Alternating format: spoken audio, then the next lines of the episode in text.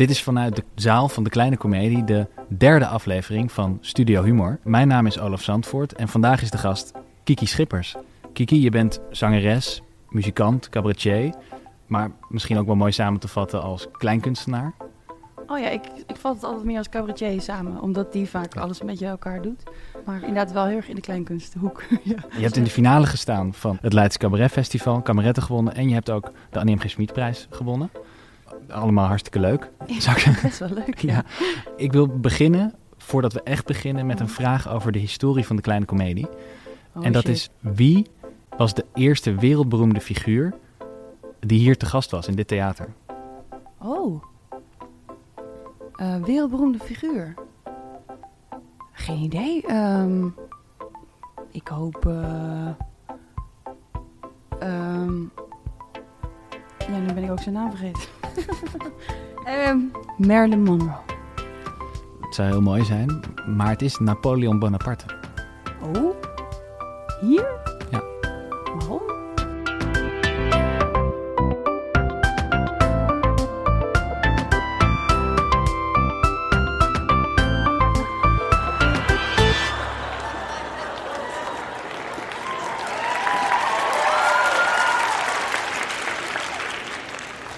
Wat is humor? Heerlijke eerste vraag. Wat is humor? Ehm, humor is ehm, om te lachen.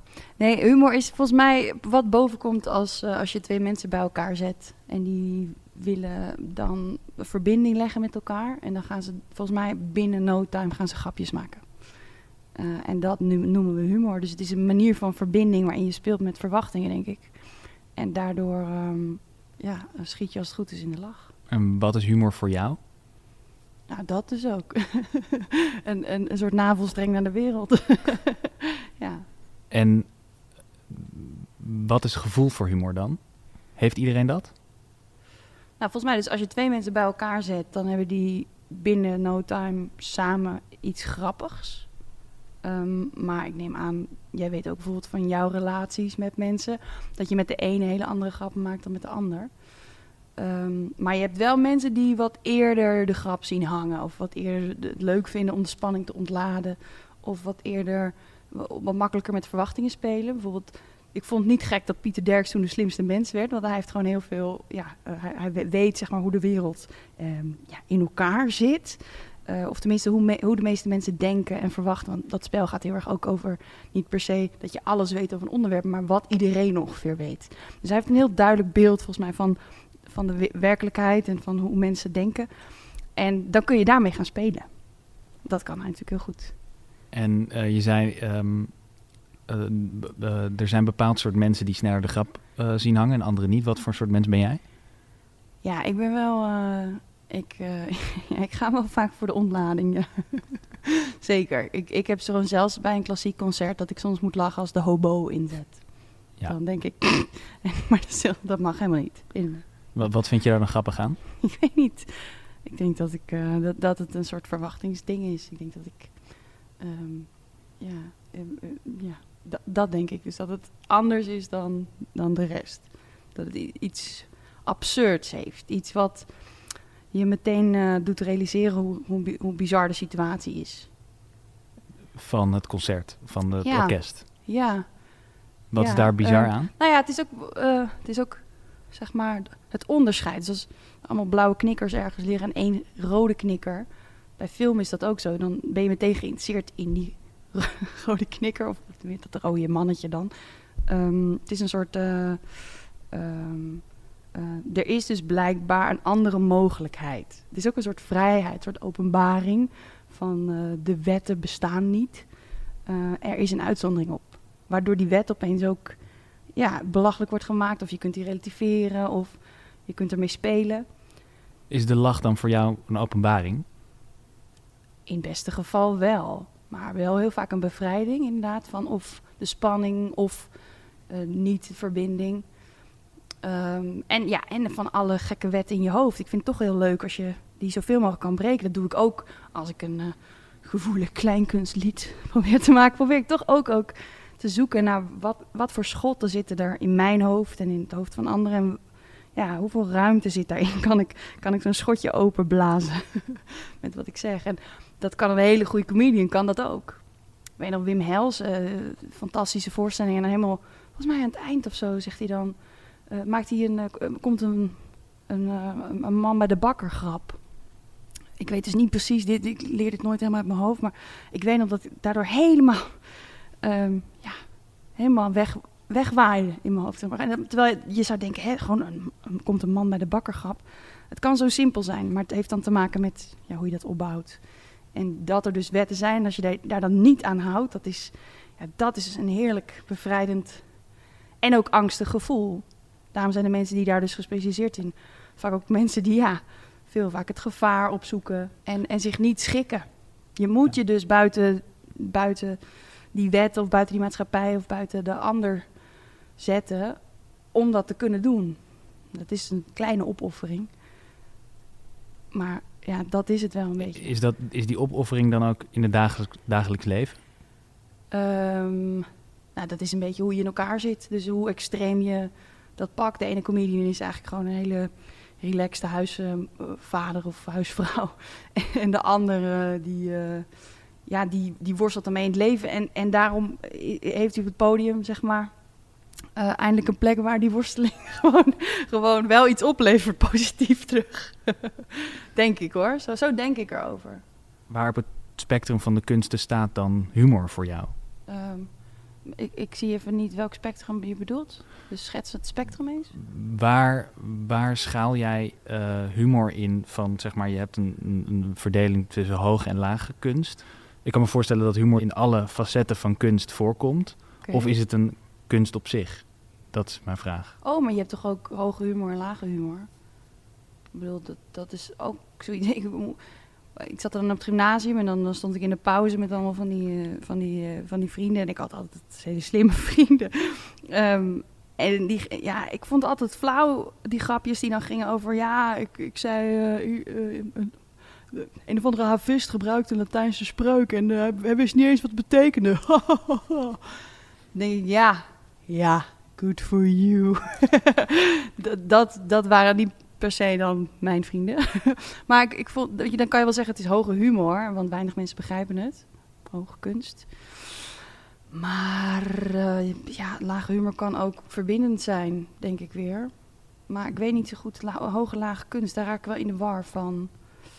Ja, je kan humor in de hoge kunst hebben en humor in de lage kunst, denk ik. Kijk, als je bedoelt poep- en pieschappen of kroketten en frikandellen, dan kan ik ook zeggen, ja, maar Tim Fransen dan. Toch? het is niet alsof die alleen maar over filosofie grappen maakt. En ik kan het niet lage kunst noemen. Dus het is een beetje meer hoe geraffineerd je bent en op wat voor niveau je eigenlijk volgens mij gevoelig wilt zijn. En daar spreek je publiek op aan. Ehm, maar dan gebruik je alsnog humor, denk ik. Of het nou hoog of lage kunst is. Of vind jij echt een clown? Zou je dat dan zeggen als lage kunst? Of begrijp ik je vra- vraag verkeerd? Kan Nee, ik denk dat je mijn vraag goed begrijpt. Ehm, eh, de vraag of een clown, ja, dat hangt van de clown af. Ja, precies, daarom. Ja. Daniel Adams is ook een clown. Ja, uiteindelijk, eh, ja. Peter Pannenkoek is ook een clown. Ja. Ehm, en goeie.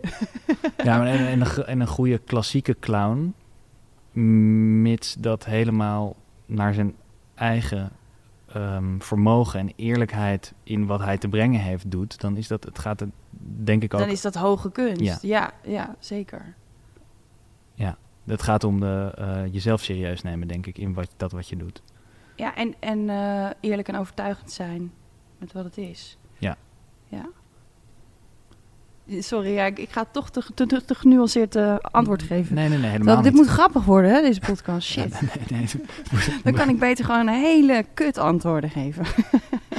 nee, ik vind het ontzettend interessant juist. Nee, maar het is natuurlijk wel zo dat ik soms probeer... Kijk, als je een referentie maakt aan een natuurkundige wet... en het is ook nog de derde callback... dus je moet echt goed hebben opgelet aan het eind van een voorstelling... dan is dat inderdaad een ander soort humor dan als je gewoon een grap maakt die... eh, Ehm, je ziet vaak van die comedians die, die heel vaak van die kutcafés hebben moeten optreden. Nou, dan gaat alles over poep en pies en eh, geslachtsdelen. Ja, die grap werkt meteen. En sommige grappen, ja, dan moet het publiek wel op, op, aan het letten zijn om het te begrijpen. Dus in die zin, natuurlijk varieer je daarin in je programma. Ja. Maar dat is ook nogal ingewikkeld waar je staat. Ik bedoel, hier in Amsterdam in de kleine komedie uh, kun je best wel veel uh, grappen maken. Maar als je datzelfde programma meeneemt naar de provincie, dan zijn er. Uh, er zijn trouwens ook provinciesteden die heel slim en opgeleid cabaret publiek hebben. Maar ook gewoon plekken waar je gewoon moet overleven. En dan focus je iets meer op die andere puntjes. Kan jij een, een grap herinneren die, die bijvoorbeeld in um, Amsterdam werkte, in de kleine komedie, of in een ander theater, en dan dus ergens anders niet?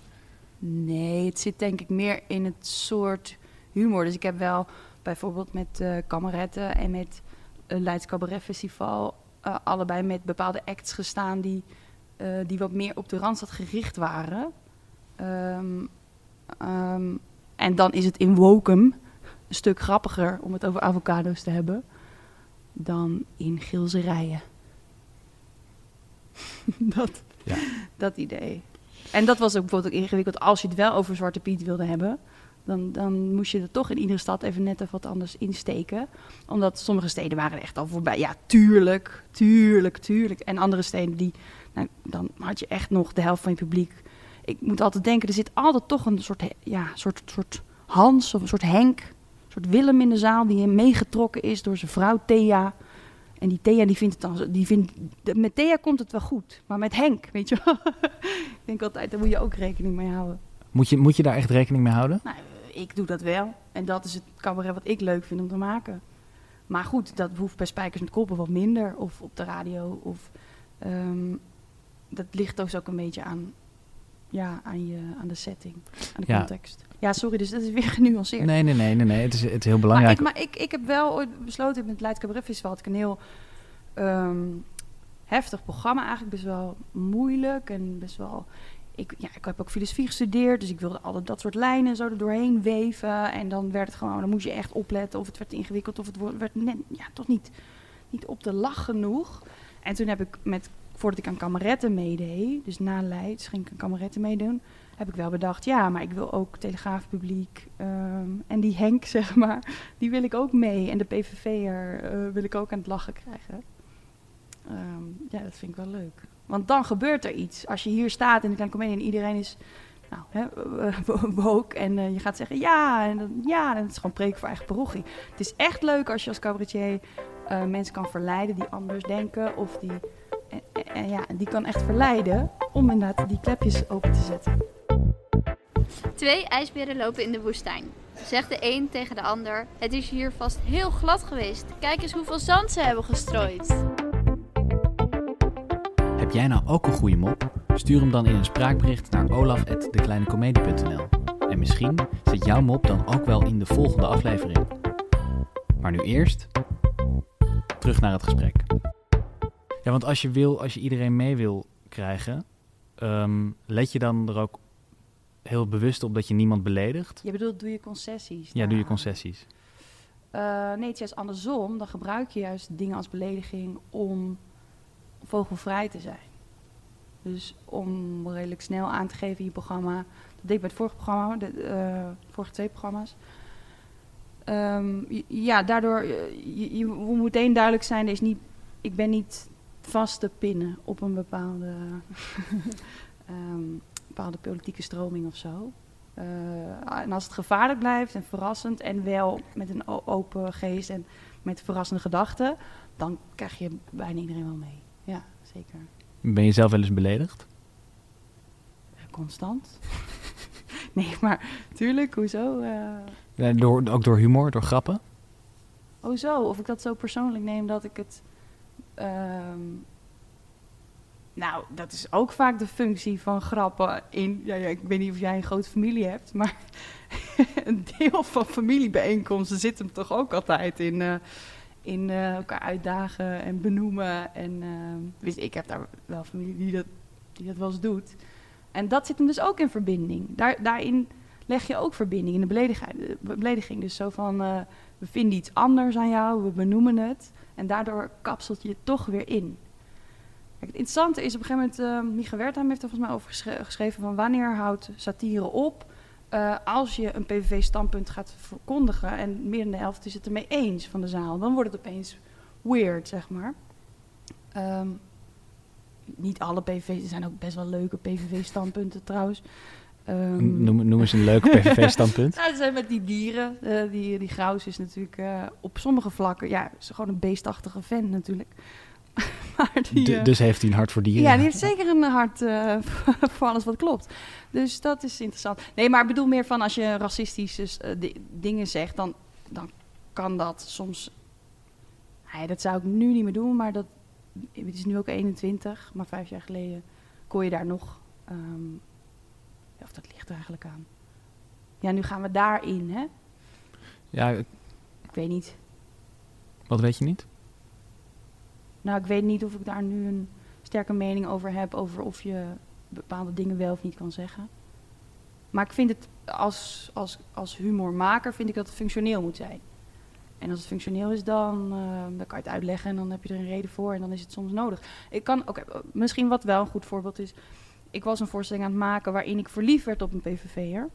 In die voorstelling. En daardoor dus en passant allerlei denkbeelden kon meenemen of kon tegenspreken of nou, dat.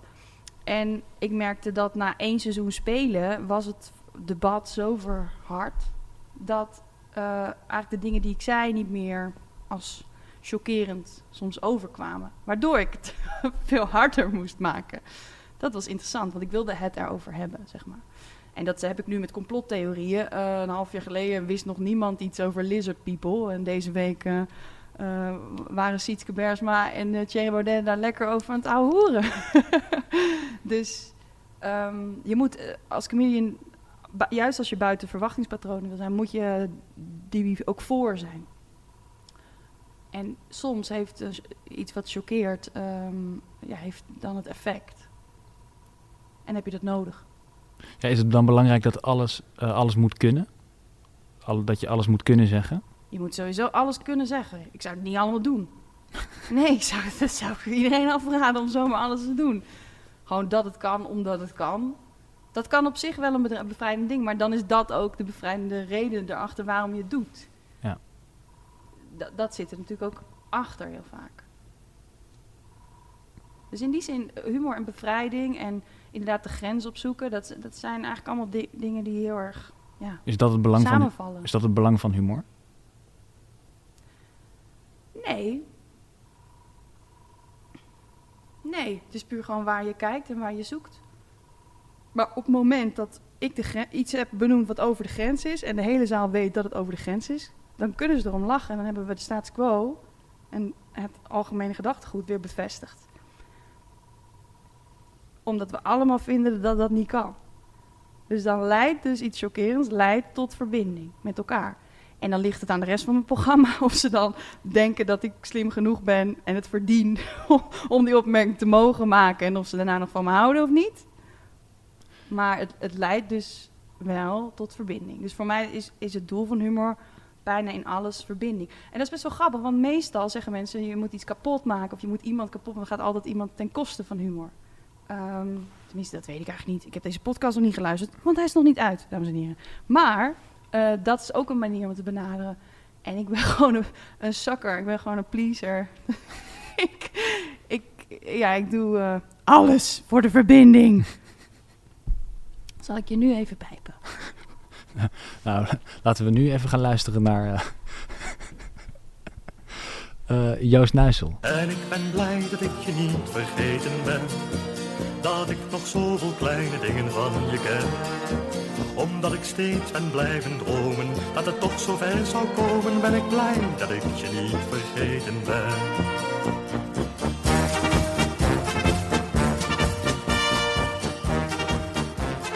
Van wie ben jij blij dat je die niet bent vergeten? Oftewel, wie is jouw inspirator?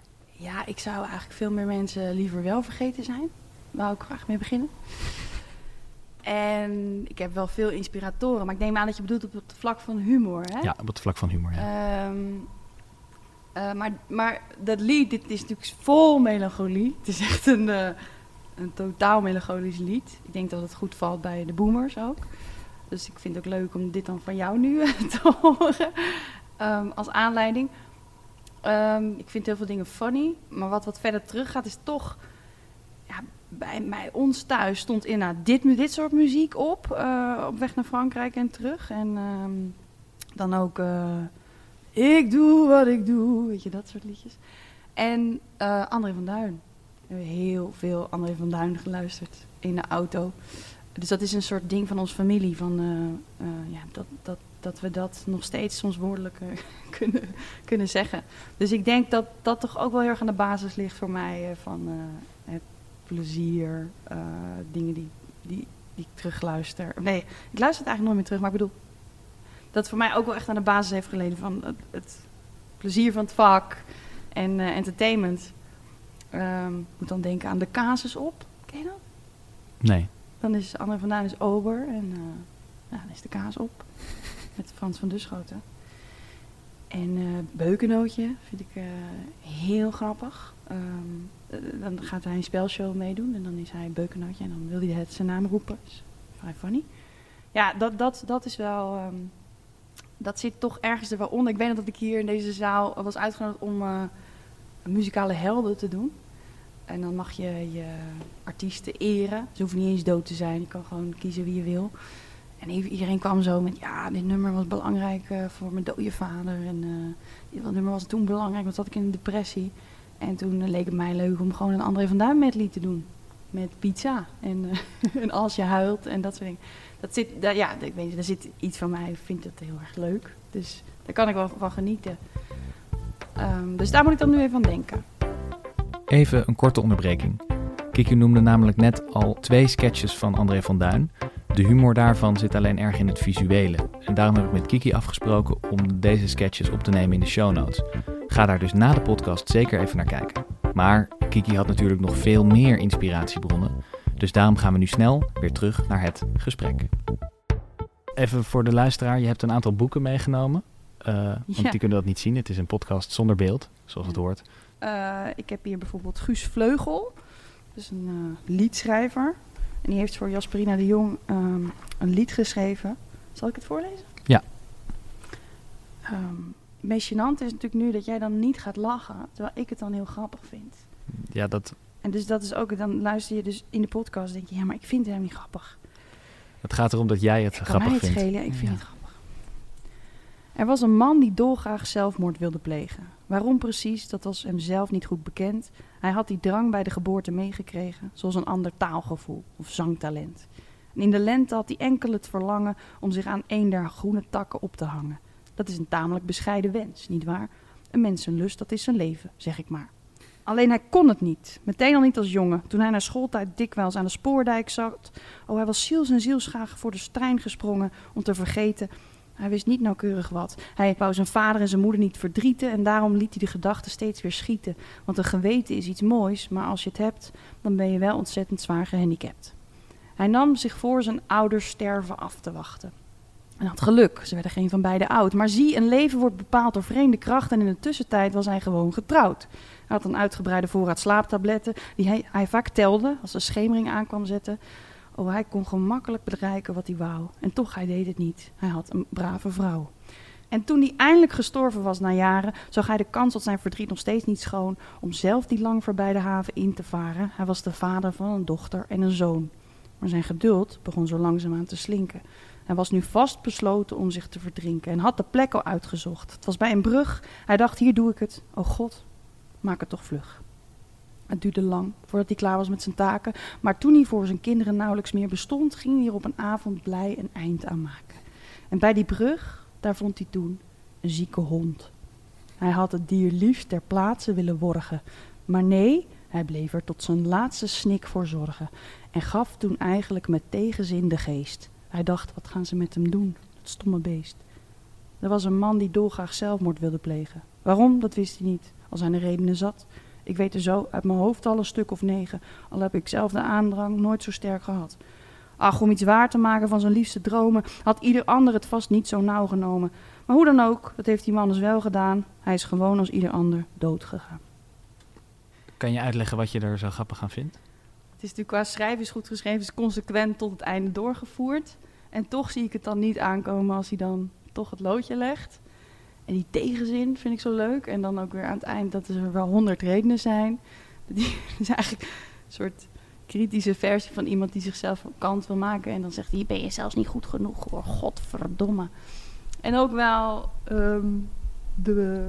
Ja, het is, het, is, het is ergens bevrijdend, want het, eh, het, het brengt allemaal redenen waarom je het inderdaad niet moet doen. en ook uh, redenen waarom je het eigenlijk wel zou moeten doen. dus ja, ik vind dat wel uh, geslaagd. En uh, ik ken helemaal niet zo'n lied. En ik vind vaak liedjes over zelfmoord, dat, ja, dat zou ik niet herlezen of zo. Terwijl dit vind ik heel leuk om te lezen. dit stuur ik wel eens naar mensen op. ja, aan, aan wie, in welke context stuur je het Gewoon op? dat ze een gesprek gehad hebben over, misschien over zelfmoord of juist niet. Of over um, je, je, je, niet aan dingen kunnen houden. Dan stuur ik dit op. Als een soort uit, uiterst ding. Ik word hier wel heel vrolijk van. Guus Vleugel. Ik heb nog iets meegenomen. Waar ga jij het voorlezen? Ik ga voorlezen uit um, Op weg naar het einde van Gerard Reven. Een boek wat ik uh, zeer vaak cadeau heb gegeven aan mensen. Ik vind het echt fantastisch. Uh, omdat, ja, het is zo misantropisch en dodelijk verdrietig en heel grappig geschreven. Nou, ga ik natuurlijk iets verschrikkelijks doen. Ik ga Gerard Reven voorlezen, dus dat ik weet niet of dat uh, afgestraft gaat worden. Maar dan kan je de kanker krijgen. Zo. Hij, um, ik pak hem op op het moment dat hij een... Uh, een rit maakt op een motor en het heel koud heeft. Alleen al de pijn in mijn handen en voeten zou een aanvaardbare reden zijn om terug te keren, maar zo koud als het is, doortrilt me bij die gedachte reeds een grimmige woede. Ik zal de tocht volbrengen, welke ook de gevolgen mogen zijn. Ze zullen me leren kennen. Wie die ze dan wel zijn, die overweging laat ik maar niet toe. Maar ik wens ze in ieder geval ongezien allemaal de bloedkanker achter hun hart, dat de dokter lang te zoeken heeft. Meest echter richt mijn woede zich wel tot Wimmy, die op dit ogenblik in een weliswaar zonder twijfel onnoemelijk treurige, maar in ieder geval behoorlijk verwarmde huurkamer in een overspelig bed ligt te stinken, terwijl ik hier bevries. En straks, bevangen van de kou, voor ongelukken zal en pas uren later weer gevonden worden, waarbij men niet eerst weet vast te stellen wie ik ben, omdat ik geen enkel papier op heb, maar tenslotte zal hem het bericht bereiken waarna hij spijt zal hebben, etc. Hij moet urenlang afgeranseld, tot bewusteloosheid gemarteld worden enzovoorts. Al deze overwegingen doen mij natuurlijk, terwijl ik mijn laatste laan voor de Rijksweg afraas, het gas wagenwijd openzetten, maar vervagen niet mijn blik. Ik zie dan ook terstond dat er iets ongewoons ligt aan de wegrand. Stop en loop terug om te kijken. Het is een haas of konijn, kennelijk geraakt door een auto, de kop een beetje ingedeukt, de poten in de ijskast van moeder natuur al hard geworden, de buik nog een beetje lauw. De afmetingen zijn ongehoord groot. Uitgestrekt is het dier langer nog dan mijn arm. Zo blijkt weer hoe wijs mijn besluit geweest is en hoe een ondergrondelijke orde, een geheime rechtvaardigheid mag men wel zeggen, aan alle bestaande en gebeurende ten grondslag ligt. Hoeveel liederlijk en uitsluitend voor vermaak en laag zingenot levende lieden het mij zouden willen opstrijden. God is liefde. Ik bind het pluimveelijkje op mijn bagagerek en zwenk tevreden de Rijksweg op. Dankbaar overwegende hoeveel fraaie voorwerpen ik in mijn leven al gevonden heb vooral op vuilnisbakken en nog steeds op zijn minst wekelijks vindt. Paraplu's, vingerplanten, eetkamerporselein, een drietal ingelijste lito's, voorstellende respectievelijk het, wordt, het net wordt uitgeworpen, volle manden en een gebend van dank. Een Engelse sleutel, een doos met 288 plastic dameshakjes, vogelkooien van velelei soort en grootte, een werkbroek van oersterke, stellig buitenlandse stof, waarin slechts de gulp ritsluiting behoeft te worden vervangen, een tijdloze, want uit plastic huls en bessen vervaardigde kerstkrans, antieke spiegellijsten, glazen, geslepen inktpotten, olielampen, kulse potten, een achter bol glas ingelijste gekruisigde verlosser, diverse mandflessen, gemakkelijk te repareren stoommachine, zes irrigators, een citer, stroken wit marmer, broekriemen, speelgoedpakhuis, een onbeschadigde kaleidoscoop, een prachtige weekendtas met geen ander gebrek dan één losgeraakt hengsel, een koperen karbietlantaarn. Maar na de vondst van deze morgen mag ik vandaag niets meer verwachten. Zeker niet op deze grafzerk van Bussen naar Amsterdam. Ik probeer met vol gas op maximum snelheid te rijden, maar dit is maar gedurende 6 à 7 minuten vol te houden. Waarna ik telkens moet afstappen, mijn handschoen op de uitlaat van de stationair doorlopende motor leggen, mijn handen onder mijn oksels steken en vloekend door springen en rondrennen de pijn op mijn voeten probeer te drijven. Stel eens dat hier. Ik bevind me op een zeer eenzaam stuk in de buurt van de garage De Wegman. Een band, de bougie of de benzineleiding het begeeft. Ik krijg bij de, voorst- de voorstelling alleen al een halve erectie van angst. Je zal ze zien kijken. De mensen bij wie ik dan na een half uur zeulen zou aanbellen om half acht op de zondagmorgen. Die eerst zullen denken dat je ze komt vermoorden. En je dan mokkend binnenlaten waar je eigenlijk niks aan hebt. Want de kachel moet nog aangemaakt. Maar dat merk je pas als je al in de huiskamer staat. Die naar veen ruikt en waar een hond met een ziekte op zijn rug tegen de schoorsteen ligt. Eén waar een wat de onbedekte gedeelte van zijn lichaam betreft voornamelijk uit meeeters bestaande man van wie het je verbaast dat hij in een stenen huis woont. Zich om te kijken of aanmaken mogelijk is, kreunend voor de kachel voorover zal buigen, waarbij zich een heel ziekenfonds aan de atmosfeer mededeelt. Terwijl zijn 37-jarige dochter met snor, die de helft van haar tanden al kwijt is, in een onbegrijpelijk dialect door geweldig luid geschreeuw probeert iets mede te delen of te vragen aan een wezen in een belennend vertrek. Vast en zeker de halfbed lege gevrouwdeshuizes, van wie je bidt dat God de binnenkomst mogen verhinderen.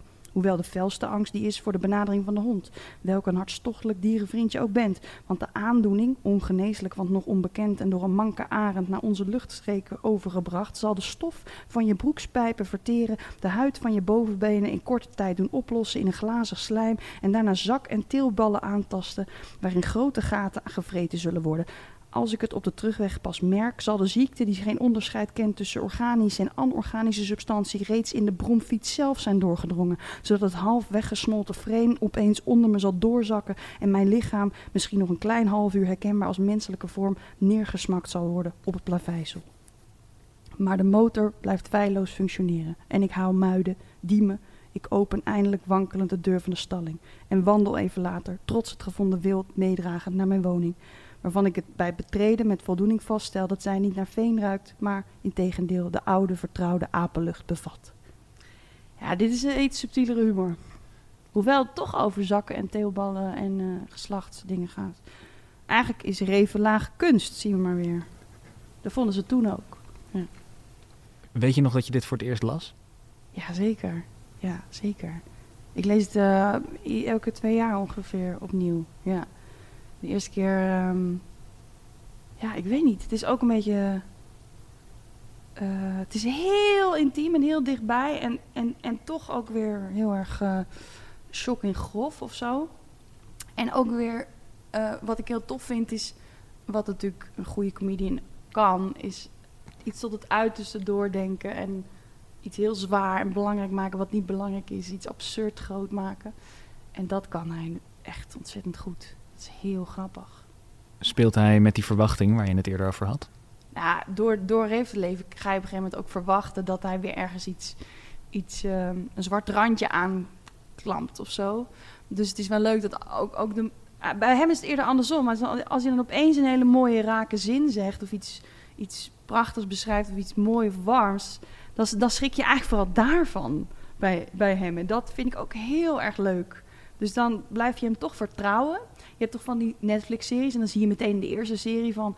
hier is heel veel geweld uh, of horror, uh, maar ik vertrouw deze filmmaker wel of niet. Ik hou persoonlijk niet van dat soort van heel veel geweld en zo. Bijvoorbeeld bij Sky Rojo, van de makers van La Casa de Papel... dacht ik, nee, dit, dit, pik ik wel. Hier wil ik in mee. Ook al is het gruwelijk, ik, ik kan hier wel in mee. En bij andere dingen, dan, dan haak ik helemaal af. En ik vind dat Reven... Dat, ja, ik, bij, bij Reven blijf ik toch doorlezen. En um, uh, ja, ik weet niet, krijgt het een soort, uh, wordt het kunst of zo? Of nou, wordt het, wordt het groter dan de werkelijkheid? Zoek je dat zelf in je eigen werk? Ik vind het belangrijk voor mijn werk.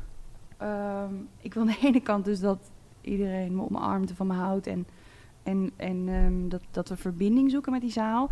Maar ik wil wel die, die machtspositie houden van de verrassing en dat je niet zeker weet wat er, wat er gaat komen. En, en dus het gevaarlijk houden. Dus, en, en daarom dus dan weer wegspringen, dan weer grof, dan weer juist zacht en mild en gevoelig. Dat het de hele tijd een soort ja, spannende uh, ervaring blijft, waardoor je open moet stellen, waardoor je gedwongen wordt als publiek van nou, of je haakt af, dat kan natuurlijk ook, of ja, laat maar komen, laat het maar over me heen. Ik, ik ben geen Simeon ten Holt, die gewoon eh, pas na een half uur. nee, maar dat je, dat je gewoon steeds hetzelfde doet en dat dat langzaam, ehm, dat je daar langzaam van gaat houden of zo. Je bedoelt canto ostinato. Ja, ja, ja. ja, ja. Ja. Nou, je hebt nog één voorbeeld liggen. Archibald. Archibald. Ja, op een gegeven moment had ik dus zo vaak op Facebook iets gedeeld van hem. Dat hij mij ging mailen. Eh Kiek, volgens mij ben jij fan van mij. Eh, wil je niet gewoon een eh, abonnement op mij? Ik zeg, wat kost dat? Ja, is goed. Eh, ik, ik weet niet, ik vind hem heel grappig. Maar dat, dat is lastig aan de podcast. Ik kan, ik kan niet dingen voor gaan lezen, omdat eh, dat gaat natuurlijk niet werken. Maar Archibald is een, eh, een cartoonist. Ja. En die ehm, maakt hele... Heb je iets van show notes of zo? Dat je daar een linkje in kan zetten? We hebben zeker show notes en daar komt het zeker in. Ja, te gek. Ja, ik moet er gewoon echt heel hard om lachen. Het zijn een soort halve gedichten, maar soms ook gewoon... wat, wat waarschijnlijk heel veel mensen kennen is Rogier Roeters. Ehm, dat is heel wat anders, maar dat is eh, qua... eh, dat het inderdaad met, met, soms met woorden is en soms met eh, beeld. Wat dat betreft is het vergelijkbaar. Eh, maar dat is gewoon eigenlijk een striptekenaar, ja. dus ehm, het zijn eigenlijk ja, stripjes van één je ziet steeds één tekening met tekst erbij. Ehm, ja, wat Gumba ook heeft. Ehm, En wat vind je er goed aan? dan eh, heeft hij één cartoon. Dat, dat- die heb ik in mijn huis hangen. In, in mijn rommelhok of zo. In mijn, en dan, dan zie je twee mannen. En dan zegt de een... eh, hij gaat volgens mij filosofisch opruimen of zo. Is de boventitel. En dan zegt de een... Ja, eh, mooi opgeruimd. Maar kun je nu in feite wel spreken van een rommelhok? Ja, dat, ik moet daar van lachen. Ja, zie je? Ik kan het niet uitleggen. Ik kan het niet uitleggen. Haal maar uit. Knip het maar uit. nee, ehm, ja, dus... eh, ik weet niet of ik een antwoord kan geven op wat humor is voor mij. Het is denk ik ook lastig om over te praten. Ja, misschien moet je het gewoon doen. Uitvoeren op het podium. Ja, en zien en delen. Ehm, Nou ja, daar is deze podcast ook voor. ja, dat is wel natuurlijk. Ja. Nee, eh, dat. Misschien is het een mooie conclusie van het gesprek, al- als er een conclusie zou moeten zijn, eh, dat humor moeilijk uit te leggen valt. Maar toch hebben we er drie kwartier over gepraat. Dat is waar. Ja, eh, hu- humor is niet zo makkelijk te vatten. Misschien is het ook heel persoonlijk, maar ik, ik ben er wel van overtuigd dat, dat het te maken heeft met die wetten en die bevrijding en die verbinding. Ehm, en dingen groter maken of buitenproportioneel, zeg maar, tentoonspreiden. En daarmee de wereld toch een slinger geven en hopelijk een schotje overblazen. Dan zou ik de luisteraar willen attenderen op het feit dat je sterretjes kan geven en kan abonneren op deze podcast. Dat is natuurlijk heel leuk. En laat het aan vrienden en familie weten dat het een leuke podcast is, als je dat vindt tenminste. Hou vooral ook www.dekleinecomedie.nl in de gaten voor kaartjes. Want dat is uiteindelijk waar we het voor doen. oh, dat is het. En wil je niets missen, abonneer je dan op de nieuwsbrief. De vormgeving is gedaan door Doris Konings en de muziek die we nu horen is van Brand Pijenteunis. Check vooral ook de show notes, want daar staan voorbeelden in, zoals André van Duin. eh, wat is genoemd? Natuurlijk. En de check, mag de po- Knorren-podcast, hebben we het niet over gehad, mag die ook in de show notes? Zeker. Die is zeer funny. Ja, ik zal nog een linkje naar eh Reven voor het geval dat eh, je niet weet wie dat is. En dan, Dat is wel een grap op zich. En wat was het andere boek? Guus Vleugel. Guus Vleugel. Dat is allemaal te vinden en ook alle andere dingen die voorbij zijn gekomen. Allemaal te vinden in de show notes. En dan zou ik willen zeggen, tot de volgende keer.